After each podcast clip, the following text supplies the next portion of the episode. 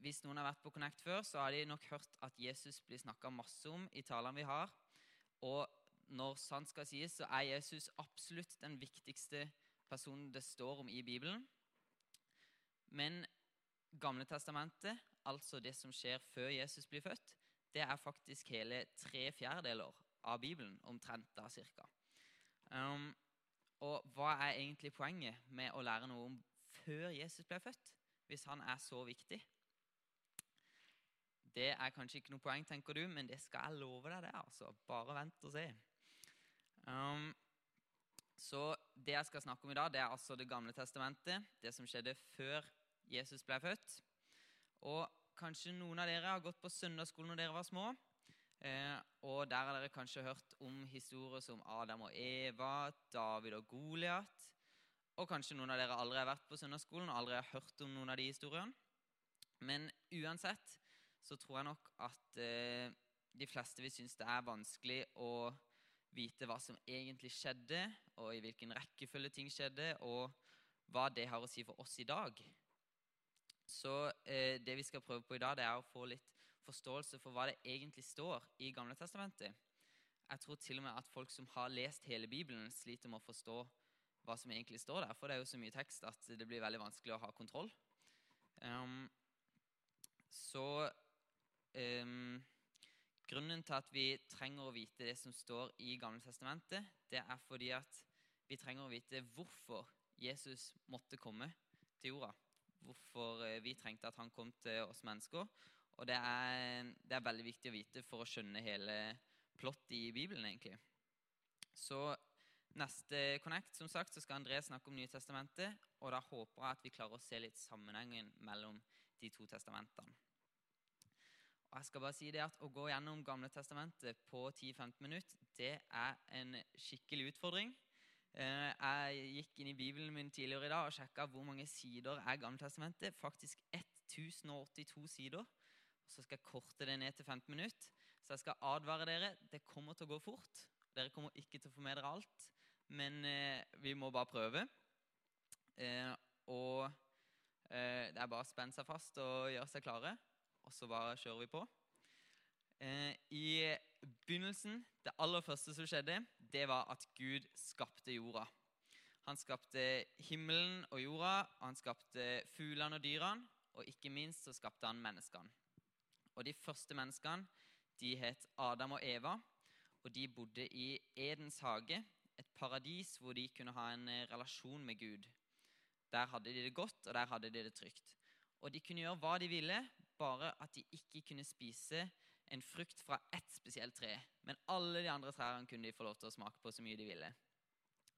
Men de ble altså frista til å smake på dette treet, og på den måten kom synden inn i verden. Og de ble kasta ut av hagen, og eh, etter den dagen så har synden prega historien gjennom eh, hele veien, rett og slett. Og mennesker de ble etter dette eh, grådige, sinte og rett og slett mye, mye kjipe ting. Negative ord inn i, inn i livene sine. Eh, og Gud så at det han hadde skapt, det var ikke bare godt. Så han bestemte seg da for at han, han valgte ut en som het Noah. En mann som var trofast mot Gud og hadde et godt hjerte. Og Gud redda han og familien hans sin sammen med to av hver art eh, for at eh, de skulle fortsette å overleve fra en flom som oversvømte hele jorda. Og eh, etter dette så var jo da planen at alt skulle gå oppover, men dessverre så fortsatte menneskene å synde.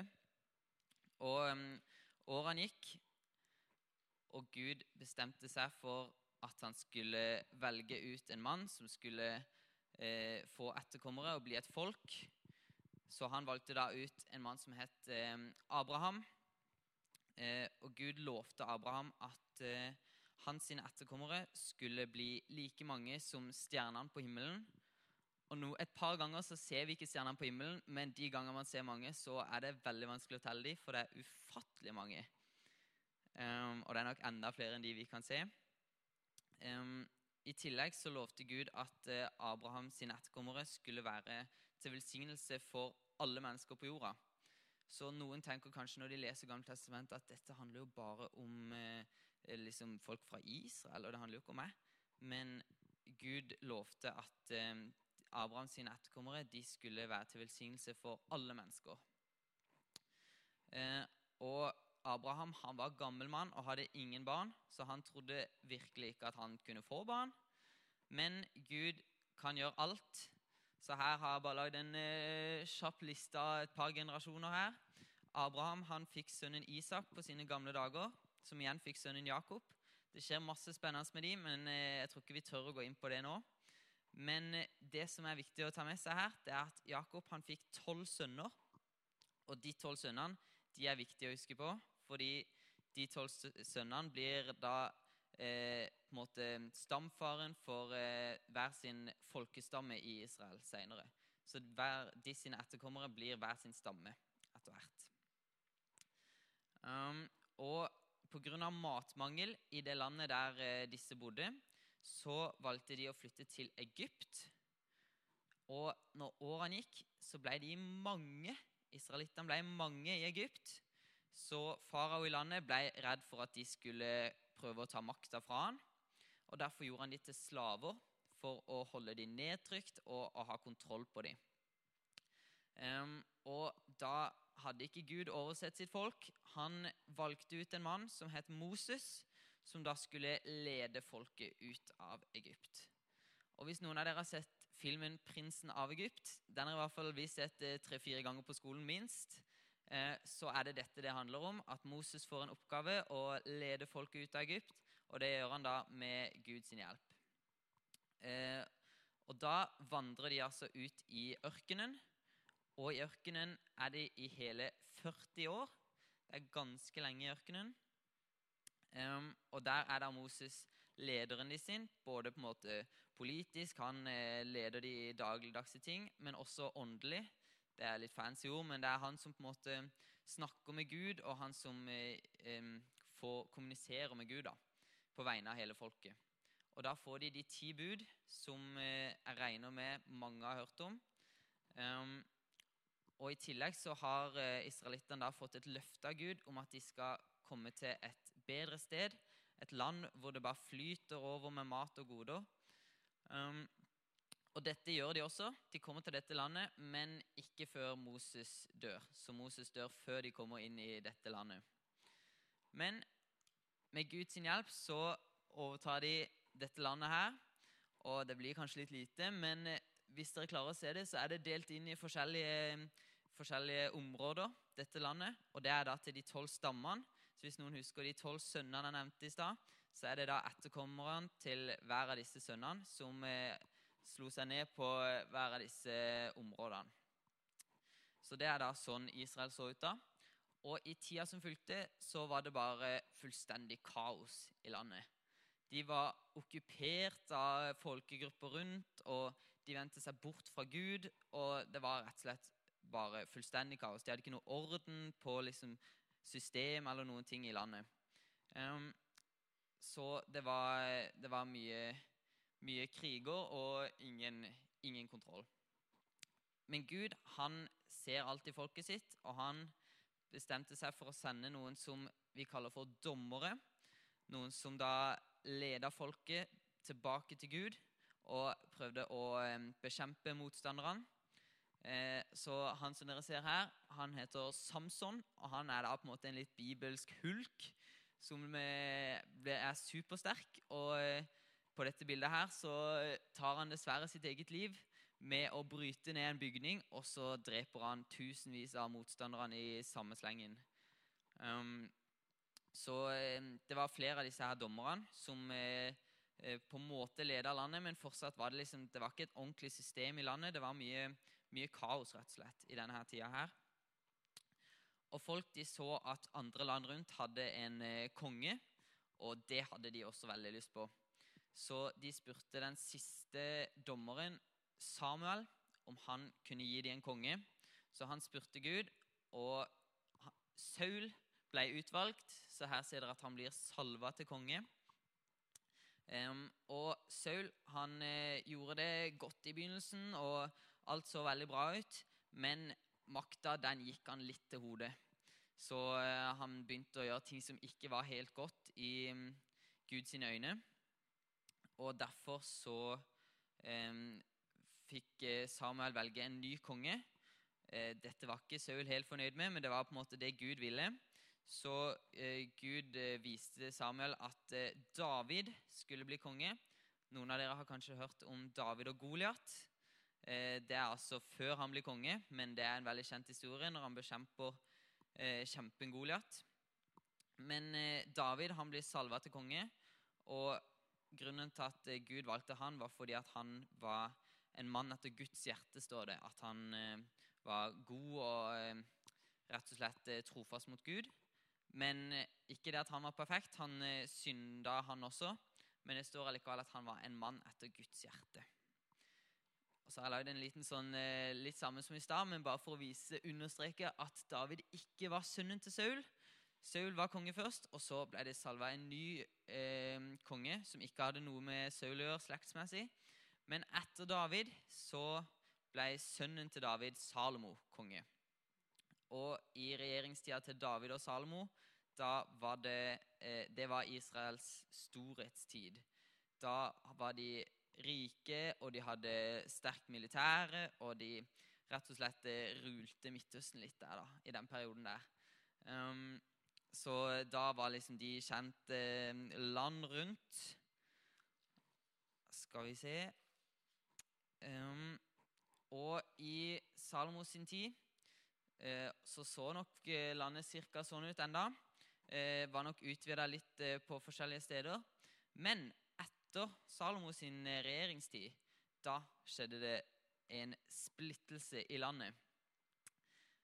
Da var det uenigheter innad i landet, og de var fortsatt de tolv stammene, men eh, landet som hadde vært helt fram til det, det ble delt i to. Og Øverst så ser dere Nordriket, og det ble kalt Israel. Men det er ikke dagens Israel. Det er nok ikke sånn dagens Israel ser ut, men det het i hvert fall Israel på den tida. Og det dere ser under der, Sørriket, det er da Juda.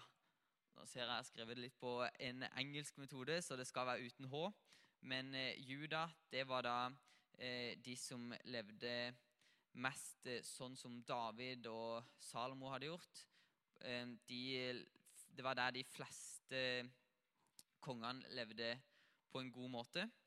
Men på begge to så var det noen konger som levde rett og gjorde det som Gud syntes var rett. Men mange konger som gjorde det som Gud syntes var galt. Og de leda rett og slett folket til å tilbe andre guder. Det var vanskelig å finne et bra bilde, men eh, det dere ser her er at de tilber en eh, gullstatue.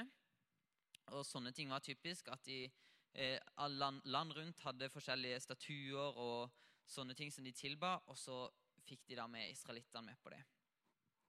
Og gang på gang så tilga Gud eh, israelittene, og gang på gang så vendte de seg bort. Så problemet her, det var rett og slett mennesket. De klarte ikke å strekke til den standarden som eh, må til for å være med Gud. Synden eh, var, de klarer ikke å stå imot synden. De ble frista gang på gang, og de vendte seg bort fra Gud gang på gang. Så til slutt så leda dette til eksil i Babylon, har jeg skrevet. Eh, og da var det altså sånn at Nordriket, det som var øverst, det der med grønn skrift som het Israel, det ble spredt til alle kanter. Eh, liksom, folkene bare ble spredt overalt. Så jeg tror fortsatt ikke i dag at de har helt kontroll på hvor de sine etterkommere har havna hen. Men Sørriket, Juda, de ble ført til eksil fra hovedstaden Jerusalem, ca. her, og til Babylon. Og Jerusalem og tempelet det ble brent ned. Og dette var altså et tempel som ble bygd av Salomo i hans tid, mange generasjoner før. Men da ble alt sammen brent ned og lagt i ruiner. Og eksilet i Babylon det varte nesten i 50 år. Um, og på disse årene så ble folkene, folkene som hadde blitt eh, bortført dit, da, de ble tvunget til å tilbe kongen av Babylon. Og Gud har jo sagt at man skal ikke ha andre guder enn meg. Og da var det noen som var trofaste mot Gud. Og der er det masse spennende historier om hvordan eh, Gud hjelper de til å holde ut. Kanskje noen har hørt om Daniel i løvehulen. Det er da noe som skjer her. At eh, løvene ikke rører han. Og da ble han altså kasta i løvehulen fordi han hadde tilbedt Gud istedenfor denne kongen. Um, og så eh, endte da denne her eksilperioden med at eh, Persiariket Det er nok ikke noe dere trenger å huske, men det var altså noen som invaderte Babylon. Det er mye fram og tilbake her. Litt sånn der eh, eh krig og fred-greier. Noen fredsperioder hvor noen styrer hele greia, og så eh, plutselig er det fullstendig kaos, og så er det noen nye som styrer. Så nå var det altså Persia som styrte, og da fikk israelittene lov til å dra tilbake igjen til landet sitt og til Jerusalem. Og der fikk de til og med penger og materialer de trengte til å bygge opp igjen byen og tempelet. Og det som jeg har sagt til nå, det er egentlig der Gamle testamentet slutter sånn historisk messig. Etter det så er det ikke noen eh, kilder som forteller mer om hva som skjer etter det. Eh, men gjennom hele denne perioden her så er det noen personer som heter profeter. Og Det er altså personer som mottar meddelelser fra Gud, som kommuniserer med Gud, og som får ting fra Gud som de skal si videre til andre folk. da. Og Noen de fikk advarsler. Eh, de sa at hvis ikke folk vendte tilbake til Gud, så kom det til å gå galt. Eh, og det gjorde det også i flere tilfeller. Og så var det også noen som eh, kom med Messias-profetier. Det er litt vanskelig ord, men eh, for å gi et lite hint så kan vi da kalle det Jesus-profetier. Eh, og jeg tok med to eksempler av disse profetiene. Eh, da er det ene her som står i Zakaria 9,9. Bryt ut i jubel, datter Sion. Rop av glede, datter Jerusalem. Se, din konge kommer til deg, rettferdig og rik på seier. Fattig er han og rir på et esel på en eselfole. Kanskje noen av dere har hørt om Jesus som rei inn i Jerusalem. Og Dette her, det var altså noe som skrev mange år før Jesus sin tid. Altså det er en profeti om hva som kom til å skje. Eh, og så har det også en til her, i Jesaja 7,14. Derfor skal Herren selv gi dere et tegn. Se, den unge jenta skal bli med barn og føde en sønn, og hun skal gi ham navnet Immanuel. Og Immanuel det er da et av navnene som Jesus fikk. Så her er det altså, Og det er mange sånne. Jeg kunne jo tatt med mange flere, men det tror jeg hadde blitt litt kjedelig i lengden. Men det er altså eh, mange profetier om en som skal komme. Eh, og folket de hadde forventninger til dette her. Det var jo mye nød og krig i Israel, og de venta på en konge som David eller Salomo, som skulle føre Israel tilbake til sin storhetstid. Eh, og Det var der det de forventa. De forventa at den her som profeten snakka om, skulle være en sterk krigfører og en som skulle befri dem fra motstanderne. Um, og så har jeg, jeg har tatt med noen ting som er litt viktig å vite her.